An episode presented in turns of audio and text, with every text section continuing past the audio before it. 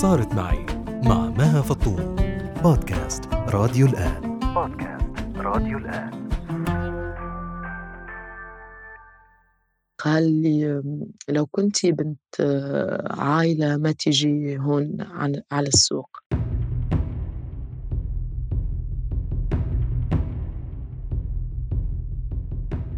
فما لما يشوفوني في السوق يقولوا لي شفنا أختك. بالمكان الفلاني. فأجاوبهم لا هي كنت أنا يعني أنا نفسها مو أختي. فكانوا يستغربون يعني ذلك ويقولوا غريبة يعني ظهر أنكم تشبهوا لبعض لكن حالتها أحسن منك بالنسبة لهم يعني من الصعب أن أن تكون يعني بائعة متجولة بالأسواق لها من الوعي الثقافي ما يكفي بأن تكون يعني آه، صحفية أو جامعية أو أو غيره.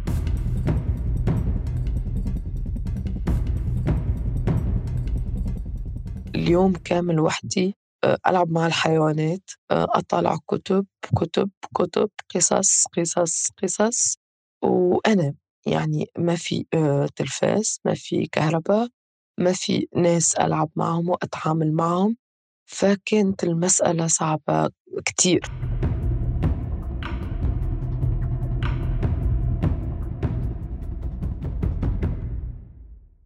سمعتوا صوت مريم بريبري ضيفتنا في بودكاست صارت معي ضمن سلسلة وحيد لأهله. مريم شابة تونسية درست القانون وتعمل حاليا في مجال تصميم الأزياء وأسست بمدينتها صفاقس brand خاص فيها وهي أيضا صحفية وناشطة نسوية ومجتمعية. عرفني على مريم صديق مشترك على فيسبوك وخبرني أنه تجربتها تستحق الاستماع. فعدم وجود إخوة أثر جدا على مجرى حياتها وشخصيتها وعلاقتها بأبوها وأمها ومجتمعها أيضا ونظرتها للحياة. وهذا بالضبط السبب يلي خلانا نختار إنه نتكلم عن الأشخاص يلي عاشوا بدون أخوة. مريم تشاركنا أيضا تفاصيل عن عملها كبائعة بالأسواق الشعبية في تونس وعن المواقف والأحداث يلي خلتها تتمرد على جميع العادات والتقاليد المقيدة لإلها. كانت المسألة نوعا ما غريبة عني شوية لما كنت صغيرة وكنا نعيش يعني في في القرية يعني بجانب باقي العائلة آه، يعني أعمامي وعماتي وبيت جدي وكل. فكنت أستغرب أنه يعني بيوت أعمامي مليانة أطفال وفي الحين أنه بيتنا آه، إلا أنا. وكنت آه، مطرح سؤال يعني أحيانا بيني وبين نفسي. وكانت الإجابة واضحة هي لما حالة لأنه يعني أنا شهدت على آه، يعني عديد المرات اللي كانت أمي تحمل فيهم وتجهض للأسف. فتجهض الجنين لأنها تمرض أو يصير لها شيء يخليها ما تقدر آه، تواصل حمل الجنين. فتكون الوعي بشوية يعني آه، إني أفتقد أخوتي أثناء الإنجاب أو قبل الإنجاب أو غيره. تشكل نوع من الوعي ما قبل العمر يعني في عمر أربع سنوات وثلاث سنوات وخمس سنوات يعني مش سهل على الإنسان أنه يكون واعي بمسائل آه، يفهمها في سن آخر يعني في سن مراهقة أو غيره. طبعا كانت زادة آه، أيضا كانت المسألة آه، محل تندر وتنمر يعني من قبل يعني أبناء أعمامي أو غيره. فطبعا أنا ما ألوم حد لكن كانت مسألة آه، فيها نوع من من الضحك. لأنه أنا كنت لما أتساءل أو لما تغضب عني أمي أو أو غيره فكان أحيانا تجي واحدة من قريباتي الكبار في العمر تقول لي إنه آه، إنه هي ما هي أمك. والدليل إنك ما عندك أخوات. فهي آه، اشترتك من المستشفى وقال هي آه، أمك ماتت الأصلية وأبوك تزوج المرأة هي مشان تكوني يعني علشان تربيك وترعاك. فكنت أصدق الأكاذيب هذه. مع استمرار محاولات الإنجاب بالعائلة والإجهاض المتكرر نتيجة الوضع الصحي الخاص بأم مريم وصلوا لوقت قررت فيه العيلة ما يصير في أي محاولات تانية وتابعوا حياتهم بهذا الشكل لكن كيف كان يتم احتواء مريم كطفلة وشرح كل هالمفاهيم إلها؟ أنا عائلتي عائلة عادية بسيطة يعني ما عنا من الوعي العلمي والثقافي آه، والمعرفي اللي يخلينا نكون واعيين بحقيقة الوضعية هذه ف يعني ما كانش ما كانش سهل الأمر آه، بالنسبة لهم آه، تفهم وضعيتي أو تفكيري حول الوحدة خاصة لما كنت طفلة وخاصة لما بعدين انتقلنا يعني من منزلنا إلى منزل آخر يعني في قرية في مكان ما عندنا فيه ولا أهل ولا جيران. يعني بعد اليوم كامل وحدي ألعب مع الحيوانات أجلس وحدي أطالع كتب كتب كتب قصص قصص قصص وأنا يعني ما في تلفاز ما في كهرباء ما في يعني ناس ألعب معهم وأتعامل معهم. فكانت المسألة صعبة كتير. فمحاولات الاحتواء من عائلتي يعني في الأول ما كنت أعلمهم وأحكي لهم إنه بنت عمي أو ابن عمي أو فلان حكى لي وإشي وكل. كنت يعني بكتم الشي. وبعدين في مرة قلت لجارتنا يعني هذا في السابق قبل الانتقال لقرية أخرى والمكان آخر. فهي أعلمت أمي وأمي من يومها كانت صارت حريصة أكثر على احتوائي واحتضاني في الحقيقة لكن يعني بالموجود كانت تعلمني أنها بتحبني أنه أنا يعني بنتها الوحيدة ومهما ومهما صار يعني وما ما فيش يعني شيء بيغير نظرتها لإلي أو محبتها إلي. فكانت أيضا تقول تقول لي أنت وحيدة كل شيء إلك حتى محبتنا إلك وحدك. فكنت يعني بتحاول تغير نظرتي للمسألة شوي. ولما انتقلنا يعني كما قلت لقرية أخرى بنعيش وحدنا وكل. أمي من جهتها كانت تحاول دايما أنها تطلعني برا نروح عند الأقارب تحاول أنها تخليني على اتصال بناس آخرين. يعني كل ما تروح لأي مكان تاخذني معها مشان أتعرف على ناس وأتعامل مع الناس. أمي يعني شغلها كان صعب. أمي كانت بتبيع الملابس يعني في الأحياء وفي وفي المنازل وكل. فكنت كنت تحملني معها أروح و... وندور يعني على البيوت وعلى الناس وكل يوم هيك فبالوقت تغير شوي شوي الموضوع من لما كنت أعيش وحدي وحيدة ألعب وحدي ألعب مع الحيوانات أطالع كتب وقصص صرت لما كبرت شوية يعني بسن سن ثمانية تسعة سنوات صرت أطلع معها و... وأتعرف على الناس وأحكي وشي وهذا ابتدى يساعدني شوي. لأنه كنت يعني خجولة ودائمة صمت. والدي كان في الحقيقة علمني القراءة بدري يعني تقريبا من سن الأربع سنوات تعلمت القراءة وتعلمت أهجي الأحرف. وكان دايما يشتري لي كتب وقصص يعني علمني أنا في سن الست سنوات قريت القيس بن الملوح وقريت الأمرؤ القيس وقريت العنترة بن شداد.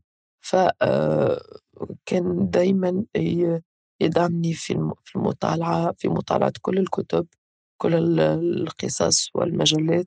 يمكن أكثر شيء آه، ملالي وقتي. أسباب انتقال مريم مع والدة ووالدتها لمدينة تانية كانت اقتصادية بحثا عن مصدر رزق للعيلة.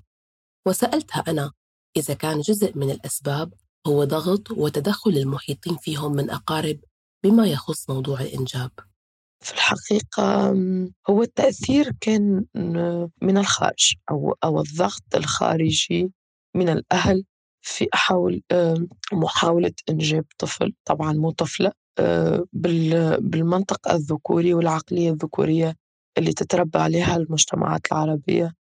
حول ضرورة وجود أبن لأنه الأبن هو اللي راح يحمل الاسم وهو الوريث الشرعي والأبن هو اللي راح يحمي العائلة والأبن هو اللي راح يشرف العائلة وهو شيء وهو اللي راح يحمي أخته وهو اللي ربما راح يكون العائل الوحيد للعائلة في في الكبر.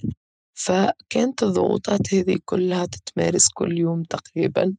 على والدي ووالدتي اللي في الحقيقة يعني طنشوا وتجاوزوا المسألة واعتبروا أنه الأمر محسوم يعني من جهة هو هو قدر أنه آه، أمي يعني آه، ما عادت تقدر توصل يعني أطفال. ومن جهة هو قرار واضح آه، ما عاد مستعدة تستنزف يعني صحتها وطاقتها أكثر. من جهة أخرى يعني ظروفنا العائلية اللي عشنا فيها فيما بعد كانت يعني عن جد ظروف صعبة جدا صعبة بصفة يعني لا توصف. فكان من الأسلم والأحسن أنه اقتصاديا يعني واجتماعيا وكل أنه القرار يكون آه، عدم الإنجاب.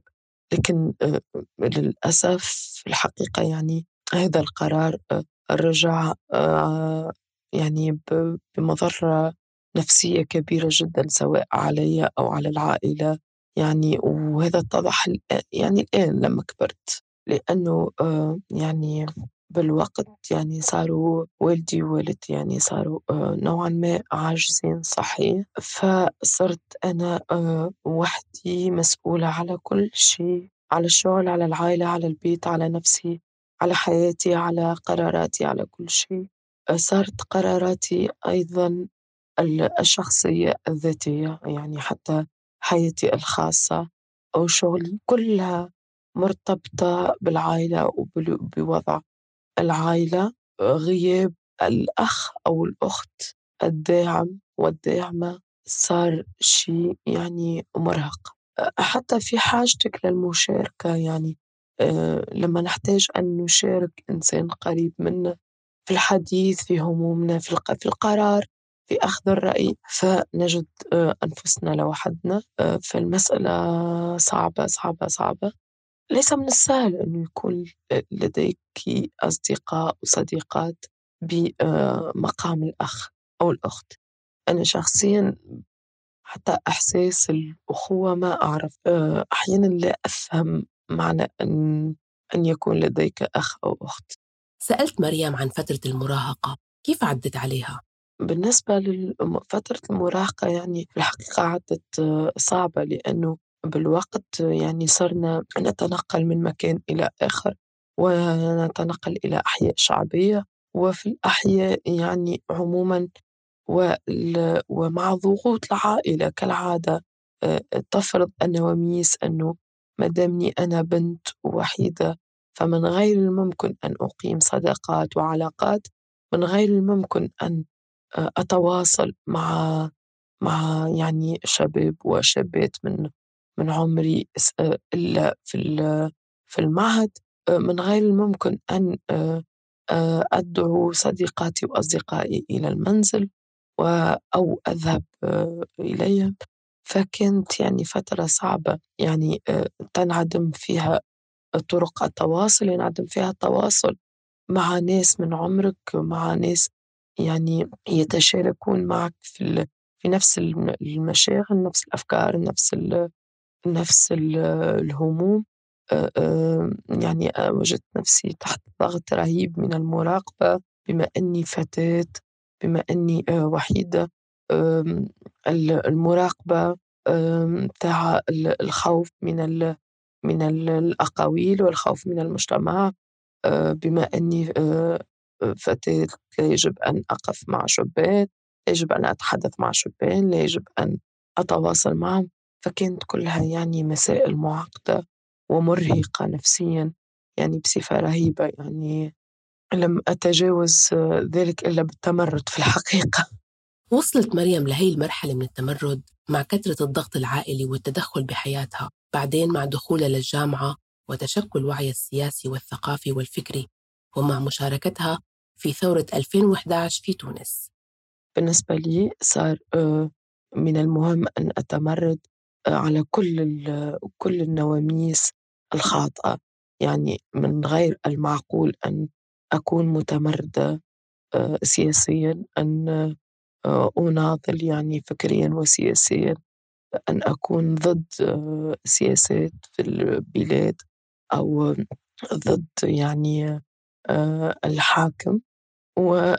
وأنا في وأنا خاضعة يعني في البيت.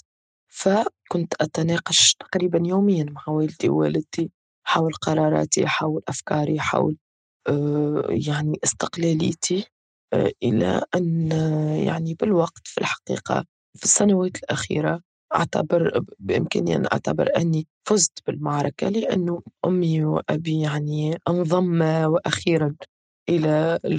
إلى الفريق لأنه يعني كانوا يعانوا من ضغوطات العائلة حول الزواج وحول ضرورة تزويجي من أحد الأقارب لأنه يعني من جهة طبعا لأنه لا يوجد لدينا وريث شرعي ابن وبالتالي حتى لا يخرج الميراث ولا يخرج يعني رزق الأب عن عن العائلة من جهة ومن جهة أخرى حتى يتم يعني تكميم فاهي وحتى يعني يتم التحكم بي أكثر والضغط علي أكثر. وحتى أصير يعني ست بيت محترمة وست بيت مطيعة. فبالتالي يجب تزويجي من أحد الأقارب. وكل مرة يتم يعني عرض يعرض علي أحدهم الزواج من شخص ما. كل ما كل يوم يعني تقريبا أتعرف على شخص جديد من الأقارب. إلى أن في الحقيقة والدي ووالدتي اقتنعا بما أفكر وهما الآن في صفي تقريبا. الوحدة يلي عايشتها مريم خلت مسألة اختيار شريك الحياة أمر مش سهل أبدا. الوحدة علمتني أنه ليس من السهل أن نختار أي شخص.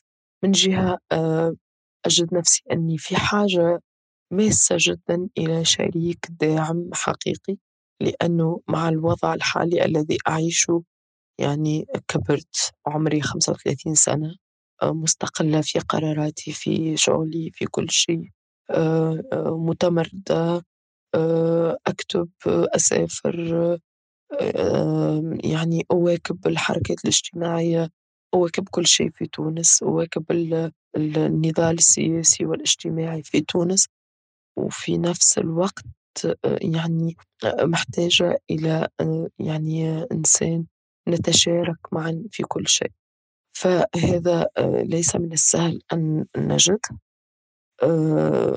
خاصة يعني مع أيضا وضعي النفسي مع عائلتي. يعني هم الآن في في الوضع الكبر والعجز الصحي تقريبا. فنحن لا نتواصل كثيرا كما كنا آه، وبالتالي أمضي يعني تقريبا كامل يومي وليلي يعني في وضع الصمت. طبعا واقع حياتي وحيدة آه، أثر على كل شيء. يعني أثر على خياراتي في الدراسة. يعني ليس بإمكاني أن أدرس خارج مدينتي لأنه آه، يعني آه، لا يمكن أن أترك عائلتي يعني وحيدة بلا دعم وبلا يعني مرافق لهما. قراراتي المهنية أيضا يعني تغيرت تماما لأنه آه، كان من المفروض علي أن أبقى في مدينتي بجانب عائلتي. قراراتي حول الاستقلالية يعني أنا أتمنى أن أستقل يعني وأعيش بمكان لوحدي على راحتي كما أتخيل آه، ببيتي. لكن هذا صعب. حتى في اختيار الشريك كما قلت هو فيما يتعلق بمسألة اختيار الشريك الداعم. يعني ليس من السهل أن نجد شريكا داعم دائما حقيقيا. ومن جهة أخرى أيضا في بمجتمعاتنا عموما الذكورية ومجتمعاتنا العربية عموما ليس من السهل أن آه، نجد من يوافق على العيش بالقرب من من عائلة المرأة بالضبط. فهذا يعني مسألة تفرض نفسها.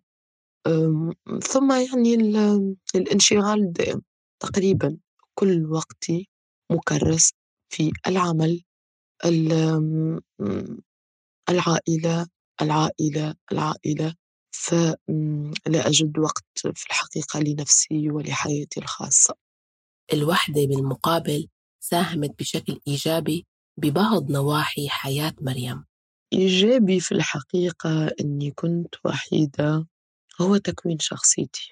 يعني لما كنت صغيرة لما كنت يعني طفلة كنت فيما بعد تلميذة كانت أمي ترسلني عند الأقارب عند يعني أهل والدي أو أهلها. أقضي ممكن أسبوع أو عطلة كاملة أحيانا يعني عطلة عطلة الشتاء أو غيره يعني أسبوعين أقضيها هناك وكانت يعني تفرض علي بعض بعض النواميس إنه ما من غير الممكن إني أضيع شيء من غير الممكن إني أرجع أشتكي لها من أي إنسان أو أي شخص. يعني على خلفية إشي أنا أصلا عملته من غير الممكن إنه يعني أغير مواقفي أو أو أنتظر الدعم على قرارات خاطئة. كنت لما أقول لها يعني بدي أروح على بيت عائلتي أو بيت عمي أو بيت خالي أو آه okay آه تحمل لي أغراضي في في الشنطة. تقول لي يلا روحي ترسلني يعني مع أحد الأقارب أو توصلني هي ومن هناك تبدأ رحلة تكوين الشخصية ففي الحقيقة تكونت يعني ساهم الشيء في تكوين شخصيتي أساسا. ربما يعني صنعت الاختلاف والفارق مقارنة بالآخرين إنه يعني مفهوم الدلال عنا في البيت هو له مفهوم آخر. الدلال عنا في البيت هو الاحترام المتبادل. هو أنه يعني أنه احترامي مفروض بين الناس.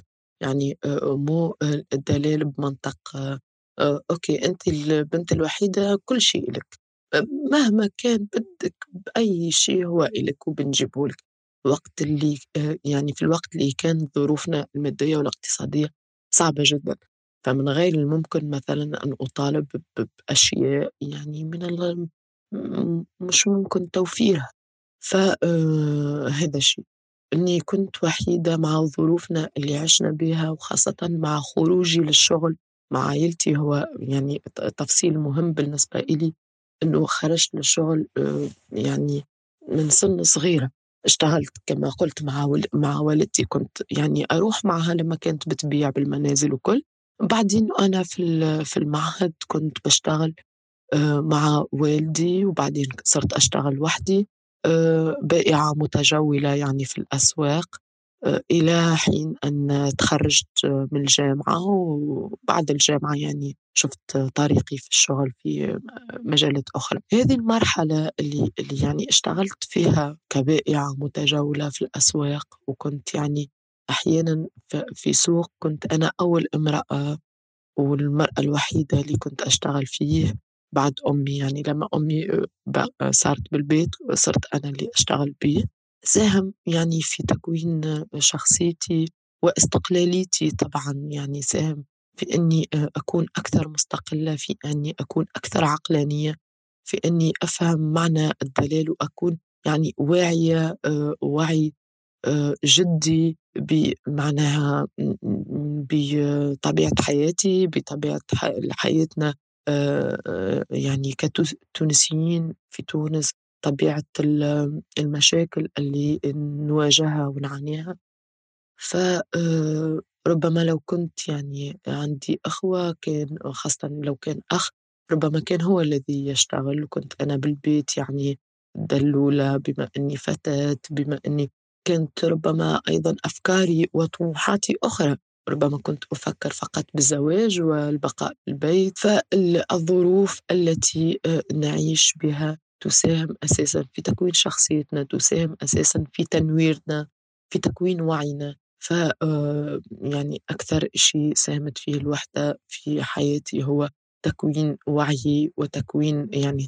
تكوين ثقافتي و يعني تقوية علاقتي بأمي وأبي أكثر خاصة اليوم يعني مع الكبر. صرنا رغم أن لا نتحدث كثيرا لأنه مع العجز الصحي ومع انشغالي الدائم لكن صرنا أكثر آه، أقراب من بعض صرنا أكثر آه، نفكر في بعض صرنا أكثر نتواصل مع بعض حتى ولو هاتفيا. لمست من حديث مريم قديش صقلت من شخصيتها المرحلة يلي اشتغلت فيها بياعة بالأسواق؟ وطلبت منها تخبرني عن أكثر المواقف اللي عالقة في ذاكرتها من هديك الفترة. كان الموقف الأول آه، كان يتكرر تقريبا دائما وهو أنه الناس اللي يشوفوني في في التغطيات يعني اليومية للمظاهرات وللتحركات الاجتماعية أو يشوفوني بالجامعة أو يشوفوني بمقهى وبعدين يشوفوني في السوق. فما لما يشوفوني في السوق يقولوا لي شفنا أختك آه، بالمكان الفلاني. فأجاوبهم لا هي كنت أنا يعني أنا نفسها مو أختي. فكانت الإجابة يعني عن جد ركيكة جدا آه، آه، فكانوا يستغربون يعني ذلك ويقولوا غريبة يعني ظهر أنكم تشبهوا لبعض لكن حالتها أحسن منك يعني وكل وغريبة يعني أنت مثقفة وتدرسين بالجامعة وتطلعي على التلفزيون لأنه كنت أحيانا أطلع على التلفزيون في لقاءات يعني ومقابلات صحفية أو كنت أحيانا في في برامج أطلع في برامج تلفزية بحضور يعني وزير أو غيره. فكانت يعني كانت تصير مواجهات سياسية وفكرية أو مواجهات يعني بيني أنا والطرف الآخر حول موضوع حول العديد المواضيع في تونس. فكانت الناس تستغرب وتقول يعني غريبة يعني بالنسبة لهم يعني من الصعب أن أن تكون يعني بائعة متجولة بالأسواق لها من الوعي الثقافي. ما يكفي بأن تكون يعني آه، صحفية أو جامعية أو أو غيره. هذا الموقف الأول. والثاني كان كان يعني في يوم اتخانقت مع شخص في السوق. كان يعني يتفوه بألفاظ يعني ركيكة بجانبي وكان يعني مزعج إلى حد ما. ف فأجبته يعني جاوبته وطلبت منه أنه يبتعد على الأقل يعني عن مكان المكان اللي أنا فيه أنا وحرفائي وكل. أو يعني يحسن من ألفاظه أو يقف عن التفوه بمثل هذه الألفاظ وغيره. فيعني أجابني بطريقة يعني مضحكة. قال لي لو كنت بنت عائلة ما تجي هون على السوق. فالموقف هون كان شبه يعني مضحك ومقلق في نفس الوقت لأنه ما ما في حتى شخص يقدر يدافع عني في تلك اللحظة ما في حتى شخص يقدر ي... يعني يوقفه عند حده بما أنه كنت يعني امرأة يعني وما في معي أخ أو أو أو زوج كما يتخيل الناس أنه يجب أن يكون لي زوج يدافع عني. ف يعني تصرفت لوحدي وتخانقنا وتضاربنا لحد ما إجا والدي وهو والدي حامل إعاقة. فهو يعني ضحك من مشهد والدي إنه حامل إعاقة شو راح يعمل له يعني. في الأخير هو شخص معاق. ما يعني ما يقدر يعمل له شيء. فضربته في الحقيقة وانتهت المسألة. وسألتها أيضا عن رأيها بقرار إنجاب طفل واحد.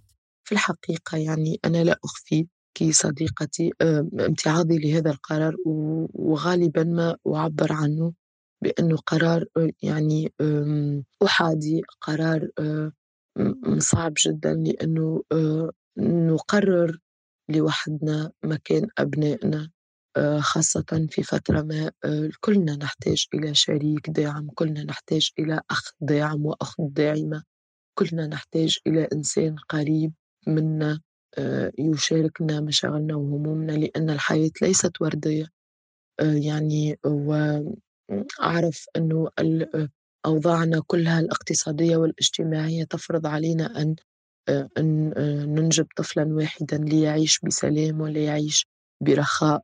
لكن أيضا الجانب النفسي مهم جدا. ففي الحقيقة أنا يعني قراري دائما هو حين أقرر أن أنجب أطفالا سوف أنجب على الأقل طفلين ليكونا سندا لبعضهما البعض وليكونا فكرا وساعدا وروحا واحدة ومحبة واحدة. على الأقل حين نقرر أن ننجب طفلا واحدا أو طفلة واحدة على الأقل نحاول أن نعيشهم بمكان آمن في مجتمع آمن في مجتمع يحترم خصوصياتهم وفي نفس الوقت يسمح أيضا للأطفال بالتشارك فيما بينهم حتى عند الكبر بالتشارك وبالتعاون وبالدعم. لأنه في مجتمع يتميز بالنزعة الفردية في مجتمعات تتميز بالوحشية أكثر وأكثر فأنا في الحقيقة أشجع أكثر على تقوية الرابط العائلي فيما بيننا على الأقل حتى نقدر على مواجهة هذه النزعات الفردية في المجتمع فأن نجد أنفسنا وحيدين وسط المجتمع أمام يعني مجتمع متوحش استهلاكي رهيب ووسط عائلة أيضا عاجزة أو أو مرهقة نفسيا وصحيا فهذا متعب. مع تجربة مريم وصلنا لنهاية سلسلة وحيد لأهله في بودكاست صارت معي. شاركنا فيها أيضا بالإضافة لمريم سارة يارا جاد أحمد وفهد. كان الغرض من هالسلسلة نسمع من أشخاص وحيدين بدون أخوة كيف حياتهم وكيف أثر عدم وجود أخوة على بناء شخصياتهم وقراراتهم في الحياة. موجهة السلسلة بالدرجة الأولى للأزواج يلي مقررين بالوقت الحالي عدم إنجاب أكثر من طفل ويمكن يكونوا مترددين بقرارهم. أو عذاب الضمير تجاه طفلهم الوحيد بأنه ما رح يجيبوا له إخوات مرافقهم بهالمرحلة من حسم القرار. شكرا لاهتمامكم.